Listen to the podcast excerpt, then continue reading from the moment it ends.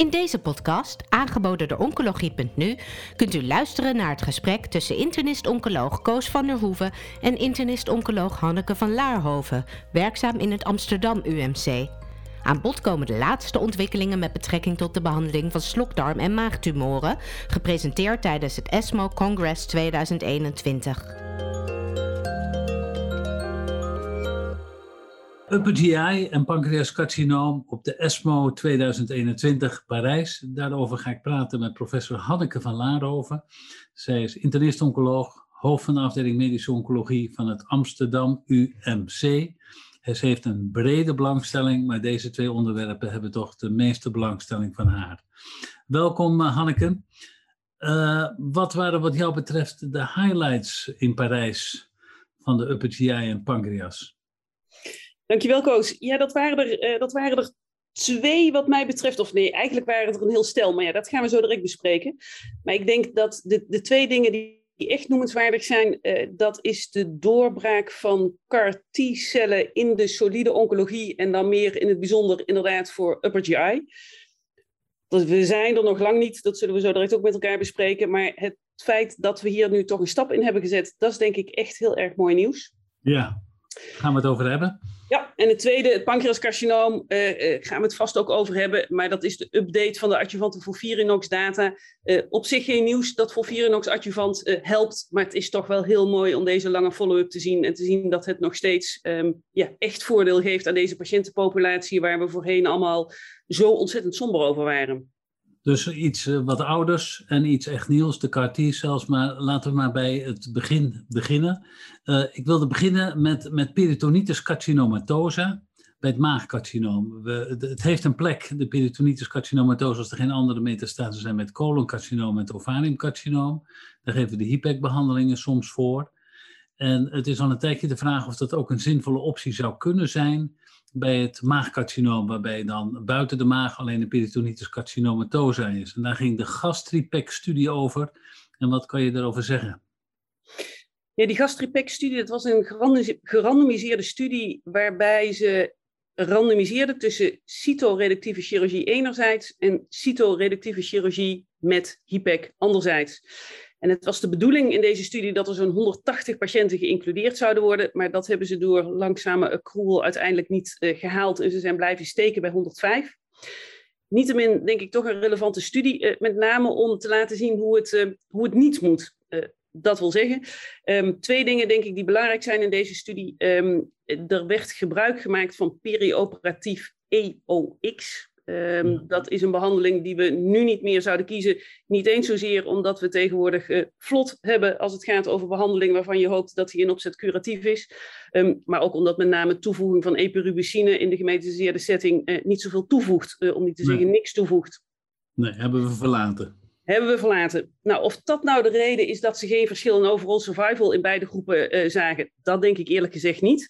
de overall survival was overigens 14,9 maanden in beide groepen dat is al met al natuurlijk helemaal niet slecht als je kijkt naar uh, peritonitis carcinomatose bij maagcarcinoom. Mm. Maar het probleem in deze studie is dat ze alle patiënten hebben toegelaten, uh, ongeacht hun PCI, oftewel hun peritonitis carcinomatosa index. Ja. En dat is wel heel erg jammer, uh, want we weten dat met name patiënten met een PCI boven de 7 het uh, relatief slecht doen, geen baat uh, hebben van, van deze behandeling. Ja, en die zijn wel geïncludeerd. En je kunt je goed voorstellen dat die een, een negatieve invloed hebben gehad op de uitkomst van de studie. Ook dus over... Nog één ding Sorry, wat ik wilde vragen, want de, de, de HIPEC, de toevoeging van de chemotherapie, die werd vergeleken met alleen cytoreductieve chirurgie doen. Maar cytoreductieve chirurgie, is dat iets wat, wat eigenlijk standaard is? Of is dat eigenlijk ook al een, een experimentele optie? Nou, ik ben heel erg blij dat je dit vraagt. Uh, want ja, dat is inderdaad ook al een experimentele optie. Um, en dat maakt dat ik nou, van deze gelegenheid ook nog heel erg graag gebruik zou willen maken om, om reclame te maken voor de Nederlandse Periscope 2-studie, gecoördineerd vanuit uh, het NKI-AVL. Waarbij we dat een beetje anders aanpakken. Uh, namelijk daar is de standaard, standaardarm palliatieve chemotherapie. En dat is volgens mij ook wat het zou moeten zijn. Ondanks dat dat misschien wat teleurstellende resultaten geeft. Maar wat je terecht zegt, alleen cytoreductieve chirurgie Daar hebben we de meerwaarde ook niet van aangetoond. En dat wordt vergeleken, die palliatieve chemotherapie, met dus inderdaad um, cytoreductieve chirurgie en HIPEC. De studie is nog open voor inclusie. Um, belangrijke studie, denk ik. Um, ook een belangrijk verschil overigens in die periscoop 2 met wat we nu zagen bij de gastripec 1, is dat er in de gastripec 1 gespoeld werd bij die HIPEC met cisplatinum en mitomycine C. En daarvan is inmiddels ook de gedachte dat dat niet de beste chemotherapie is voor maagcarcinoom om mee te spoelen. In periscoop 2 wordt dan ook gespoeld met oxaliplatin en docetaxel. Kortom, de, de hoop voor HIPEC is zeker nog niet weg, uh, maar er zijn nog wel uh, stappen te zetten.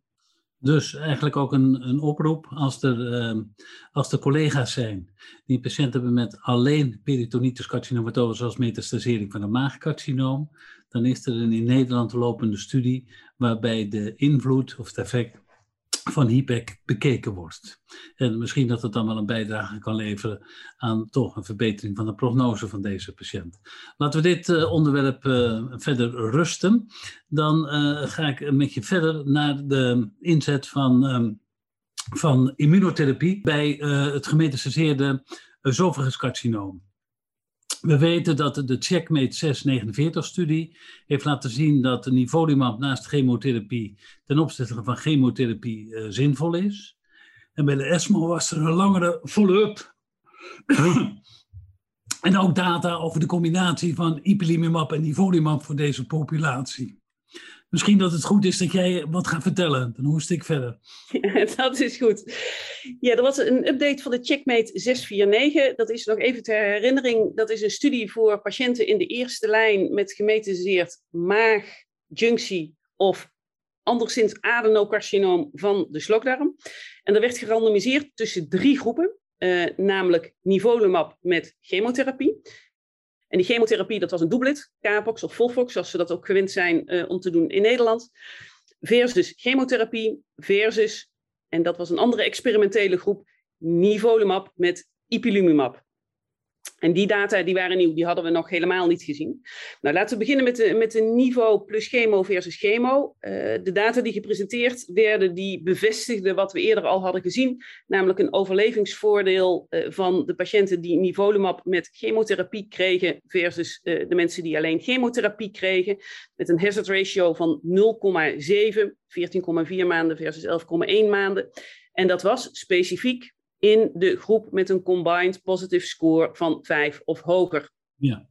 Het was wel interessant, er kwam opnieuw allerlei discussie of de mensen met een combined positive score van minder dan 5 toch ook niet nivolumab zouden moeten krijgen, want de hazard ratio was daar toch minder dan 1. Nou, dat klopt, die was 0,94. Ja, ik denk dat we daar eerlijk over moeten zijn dat dat niet de groep is die daadwerkelijk baat heeft van nivolumab. Zeker niet als je dat afweegt tegen de kosten van nivolumab. Maar nogmaals, um, voor de groep met CPS 5 of hoger is dit daadwerkelijk een mooie toevoeging. Ja, dus dat betekent eigenlijk dat voor de klinische praktijk, als je deze patiënten hebt, dat je over de PDL1-status goed geïnformeerd moet zijn. Absoluut, ja. En dat is denk ik meteen een ander belangrijk uh, stukje data dat werd gepresenteerd. Uh, namelijk, er, was, er, is nogal wat discussie geweest over uh, het, de, het, het, precieze antilichaam dat werd, werd gebruikt. En er is een, een andere studie gepresenteerd, komen we zo direct ook nog even op, denk ik, de Orient 16. Daar werd een ander antilichaam gebruikt en daar zagen ze precies hetzelfde percentage patiënten met een CPS-score van 5 of hoger. Wat suggereert dat het misschien wel niet zo heel veel uitmaakt welke kloon van de DACO-essays um, je gebruikt. Ja. Wat wel natuurlijk belangrijk is, is dat je patholoog weet hoe, hoe je het moet scoren. Um, en die afkapwaarden van 5 en 10 en 1, die inmiddels over de verschillende tumortypes heen uh, variëren, ja, die, die, die, die moet je dus wel echt precies, uh, precies weten. Belangrijk, belangrijk. Maar deze studie uh, bevestiging dat nivolumab naast chemotherapie voor die score hoger dan 5, dat dat van, van nut is. Maar er was ook een tweede, de combinatie van nivolumab en ipilimumab.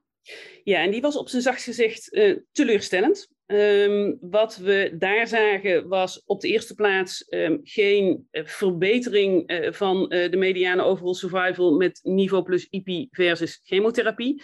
Sterker nog, wat we, wat we zagen, of wat we opnieuw zagen zou ik eigenlijk moeten zeggen, is van die kruisende curves. Um, waarbij je ziet dat degene die, de patiënten die alleen immunotherapie krijgen, dus nivolumab samen met ipilimumab, dat die aanvankelijk wat betreft hun survival onder de patiëntengroep loopt die chemotherapie krijgt. Nou, de mediane overall survival is dan uh, 11,2 versus 11,6. Dat is natuurlijk echt geen verschil. Uh, met andere woorden, dit uh, is niet een behandeling die zinvol is in deze patiëntenpopulatie. Oké, dus die kunnen we voorlopig in ieder geval even schrappen, tenzij daar nieuwe data uit naar voren komen. Ja, wat ik daar wel nog interessant van vind, um, uh, dat, dat is de MSI-populatie. Uh, want dat is natuurlijk de groep patiënten waarvan we uh, zeggen, nou, dat zijn echt de mensen die de meeste baat hebben van checkpoint-inhibitie. Nou, dat klopt ook als je naar deze data kijkt. Even, even terug naar het niveau plus chemo versus chemo. Dan zie je een verschil van 38,7 maanden versus 12,3 maanden. Nou, dat zijn de verschillen waar we het voor doen, zal ik maar zeggen. Um, en ook bij die niveau IP versus chemo zie je uiteindelijk wel dat die curve, um, um, daar, daar, daar, zal het ook allemaal wel verschillend gaan zijn. De, de, de mediane overleving in de, de, de immunotherapiegroep is daar nog niet bereikt. Maar ook daar bij die MSI-groep zie je kruisende curves. Um, dus zelfs bij die groep die zo goed zou moeten reageren op immunotherapie, heb je dus kennelijk toch een beetje chemotherapie nodig. Nou, dat is iets wat we in de Nederlandse studie ook verder gaan onderzoeken, de zogenaamde auspicious-studie, waarbij we patiënten met MSI-high-tumoren eerst eventjes chemotherapie gaan geven, twee kuren Capox, en doorgaan dan met uh, checkpoint-inhibitie. Ik ben heel benieuwd wat dat uh, voor resultaten gaat laten zien. Ja, maar als we het in de hele oncologie ook bij andere tumorsoorten bekijken, dan is de MSI-populatie eigenlijk toch een andere populatie dan de MSS-populatie. En dat wordt hier ook maar weer eens bevestigd. Hè? Dus Zeker. een populatie die in zijn algemeenheid veel baat heeft van de immunotherapie. Um, dit wilde ik weer eventjes laten rusten. En uh, er, was, er was veel Chinees, uh, Chinees onderzoeksmateriaal bij de ESMO. En dat was opvallend. En ze kwamen ook met een nieuwe vorm van immunotherapie, Sintilimab. Wil je vertellen wat voor stof dat is? Ja, het is opnieuw uh, een, een, een, nieuwe lood in het arsenaal en checkpoint inhibitors gericht tegen PD1. Uh, nou, dat is op zich mooi, denk ik, dat we daar een heel arsenaal aan hebben. Het, is fijn dat uh, de markt niet gedomineerd wordt door slechts één speler. De vraag is uiteindelijk wel of dit voor onze Nederlandse praktijk um, uh, het verschil gaat maken. Ik denk dat het met name bevestigt uh, wat we ook al zagen in de Checkmate-studie.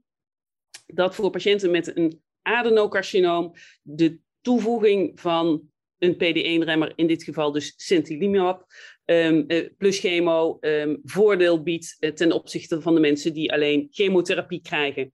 En ja, wat ik net al noemde, ik denk eigenlijk dat het voornaamste nieuws is dat hier een andere kloon werd gebruikt voor het uh, bekijken van de CPS-score. En dat ook daar ze uitkwamen op een percentage van zo'n 60, 60 procent van de patiënten heeft een CPS-score van 5 of hoger. Ja, als we nou even kijken, die studies die kwamen uit het oosten, dus die heten dan ook de Orient-studie. De Orient 15 was een eerste lijn, fase 3-studie, chemo plus sintilimumab versus chemo. Bij plaveisselcelcarcinoom van de oesophagus. Grote ja. studie, allemaal Chinese mensen, of bijna ja. allemaal Chinese mensen. Kan je iets vertellen over de, over de uitkomsten? Ja, ook hier uh, een positieve studie. Dus de toevoeging van PD1-remmer aan chemotherapie versus chemotherapie geeft voordeel. Met name, uh, dat is eigenlijk het belangrijkste, um, uh, in de CPS-groep groter dan of gelijk aan 10. Dat wil zeggen, dat was het primaire eindpunt. Wat wel wonderlijk is overigens, is dat in deze studie vervolgens het effect van die CPS-score niet zo duidelijk tot uitdrukking kwam. Um, dus als ze uh, kijken naar de all-comers populatie versus de groep CPS groter dan of gelijk uh, aan 10, zagen ze niet zo heel veel verschil. Hoe, hoe dat precies kan, dat, ja, dat blijft eigenlijk wat onduidelijk. Wat denk ik met name relevant is in deze studie, um, en, en daarmee niet transleerbaar naar onze situatie, is dat er gekozen werd voor uh, cisplatinum plus paclitaxel, wat voor ons niet een gebruikelijke uh, keuze is in de eerste lijn uh, gemetastaseerd. Um, de discussant tijdens ESMO liet zich ontvallen dat ze toch wel erg onder de indruk was van de survival in de controlearm met alleen cisplaten en paclitaxel en vroeg zich af of ze dat nou dan niet altijd moest gaan doen.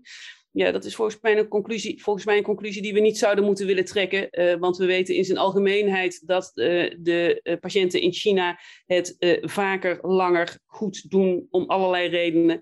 En ik denk niet dat we de resultaten van deze studie daarmee zomaar moeten overzetten naar de Europese, westerse, Nederlandse populatie. Ja, de auteurs die noemden het zelf practice changing, maar dat zal dan de praktijk in China zijn, want zoals je al zei, de, de chemotherapie die wij in Nederland toepassen is een andere. En de Sintilimab, die hebben wij op dit moment in ieder geval in Europa nog niet tot onze beschikking. Maar het is wel in lijn met de, de andere studies die laten zien dat toevoeging van uh, checkpoint remmers aan chemotherapie bij het esophagus carcinoom zinvol kan zijn. Die Orient 15 ging over het plaveiselcelcarcinoom. De Orient 16 dat ging over het adenocarcinoom. Zijn daar nog aanvullende opmerkingen over te maken? Nee, behalve dat we ook nog een Jupiter 06 hadden, ook weer plaveiselcelcarcinoom, met nog weer een andere PD1-remmer. En die liet feitelijk eenzelfde soort beeld zien. Dus ik denk dat we uh, inmiddels wel overtuigd mogen zijn van het nut van PD1-remming bij de plaveiselcelcarcinoompopulatie. Oké, dus we zijn blij dat er iets nieuws is, maar dat neemt niet weg dat het nog allemaal niet rooskleurig is. Heel veel mensen die recidiveren en ook tamelijk snel. En daarom was het interessant dat er eigenlijk voor het eerst over CAR T-cells gerept werd. En dat kwam ook uit China. Wil je daar iets over vertellen? Ja, er is een, een, een hoop moois gebeurd daar. Ja, dit was echt een hele mooie ontwikkeling. Het was een studie die gedaan is uh, op zich in de breedte bij een aantal verschillende um, soorten um, gastrointestinale tumoren. Het grootste deel van de patiënten die ze uh, behandeld hadden waren patiënten met een maagcarcinoom. En het betrof een CAR-T uh, gericht tegen Claudin 18.2. En die Claudin 18.2 die speelt een rol uh, in, in, de, in de tight junctions. Nou, dat is allemaal ver terug in de histochemie van vroeger. In ieder geval komt het bij patiënten met maagkanker relatief vaak tot expressie in de tumor. Uh, er zijn inmiddels een aantal ontwikkelingen, uh, ook bijvoorbeeld met zogenaamde BITE-moleculen, die gericht zijn tegen claudin 18.2. Maar hier hadden ze dus een, een CAR-T ontworpen. Mm -hmm. En het hele mooie van dit construct, uh, en daar werden niet zo heel veel, of eigenlijk geen details over gegeven hoe dat precies is gedaan, maar het mooie van dit construct is dat ze enerzijds een indrukwekkend responspercentage zagen. Uh, uh, 57, ruim 57 procent van de patiënten met maagkanker die lieten een respons zien, terwijl ze dus al flink voorbehandeld waren. De overall survival was echt mooi, 9,5 maand. Dat zegt me vervolgens, moet ik eerlijk zeggen, weer wat minder. Want nogmaals, dit is natuurlijk een, een, een patiëntenpopulatie die niet vergelijkbaar is met de Europese eh, en bovendien ontzettend geselecteerd. Maar goed, hoe dan ook. 9,5 maand, dat is, dat is heel veel. En wat ze niet zagen, uh, waren de bijwerkingen die je anders wel vaak ziet bij CAR T-celtherapie, uh, namelijk cytokine release syndroom. Uh, en ook het zogenaamde CRES-syndroom, namelijk die encefalopathie die je kunt krijgen bij CAR T.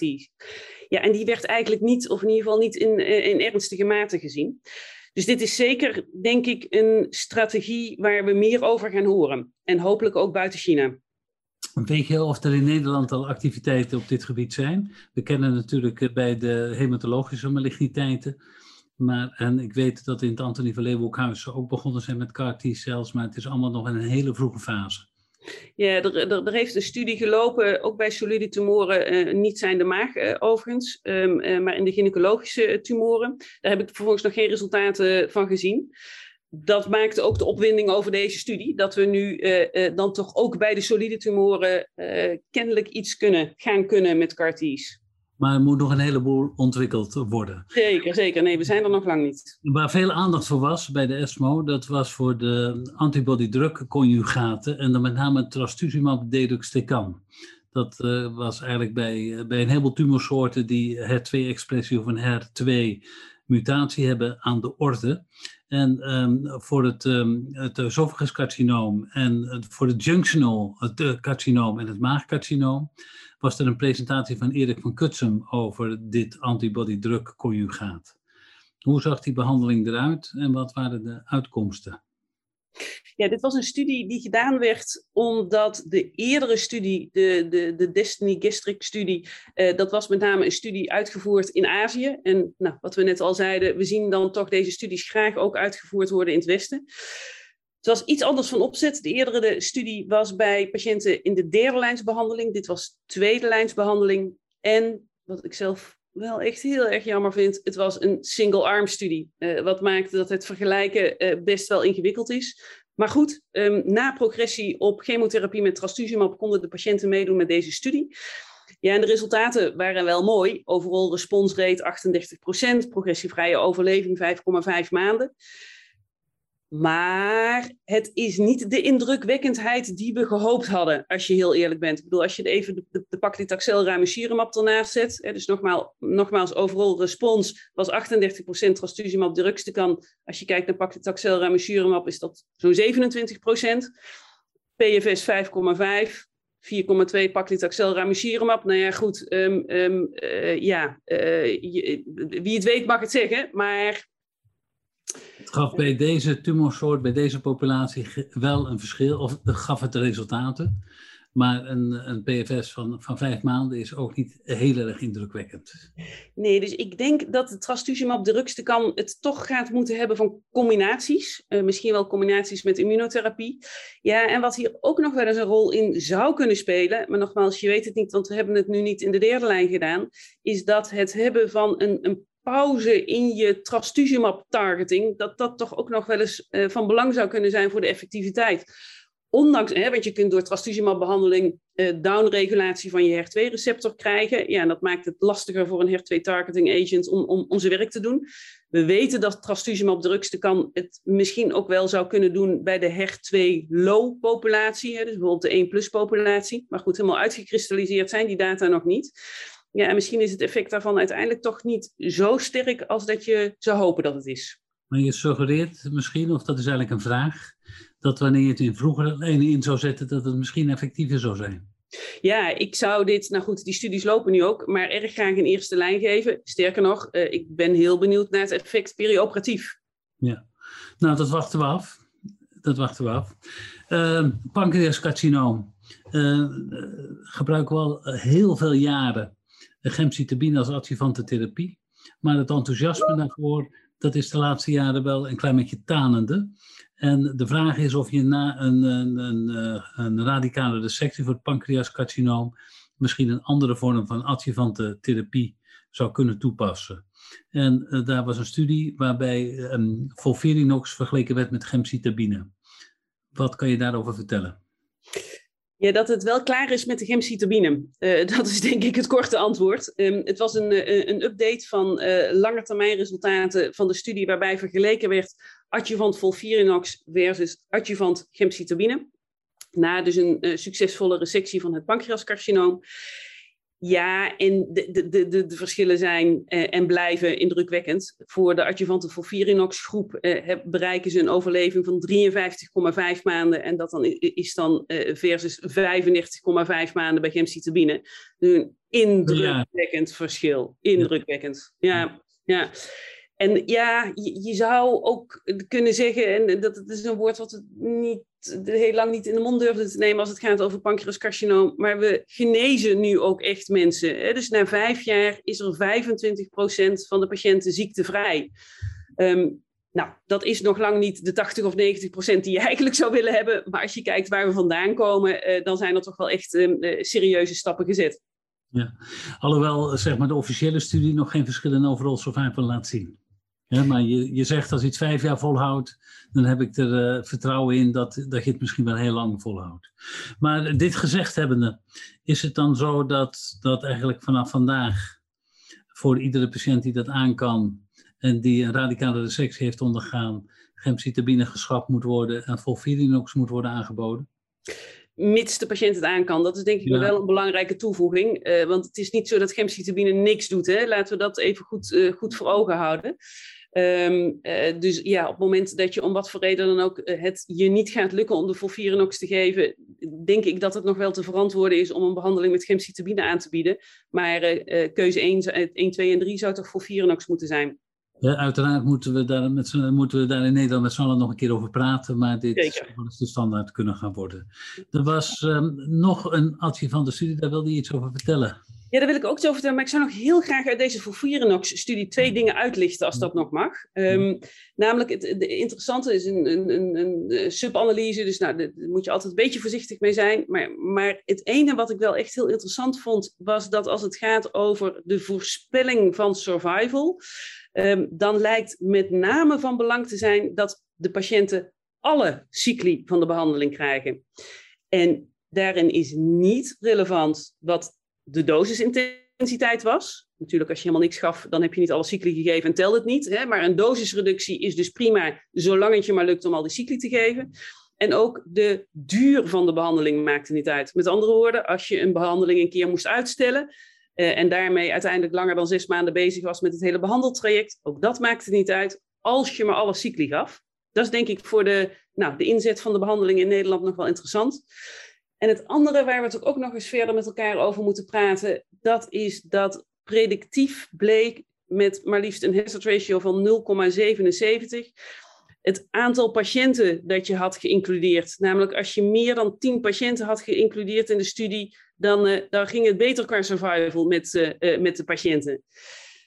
Ja, het, het, ligt allemaal heel gevoelig natuurlijk, het verhaal over centralisatie. En nogmaals, je kunt er een hoop genuanceerds over zeggen. Um, maar, maar, dit is toch ook weer food for thought, wat dit nou precies betekent. En wat dat zou moeten betekenen voor um, hoe we het in Nederland met elkaar organiseren. Laten we toch proberen te duiden.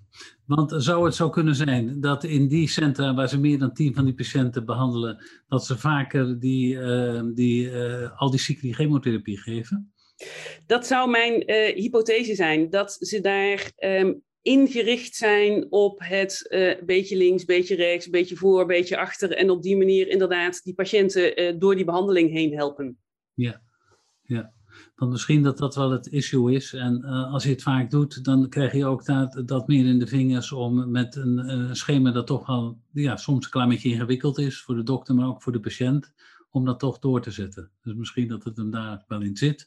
Je wilde afsluiten om nog iets te vertellen over een neonax-trial, terwijl eigenlijk de, de samenvatting is dat het niks doet, maar eh, je wilde toch iets over kwijt. Ja, je, je hebt helemaal gelijk. Dit is natuurlijk absoluut niet een practice-changing studie, maar ik vond het toch interessant om even te noemen. Uh, het is een studie waarbij ze gerandomiseerd hebben tussen adjuvant napaclitaxel gemcitabine na chirurgie voor pancreascarcinoom en twee cycli napaclitaxel gemcitabine gevolgd door chirurgie, gevolgd door vier cycli um, uh, adjuvant.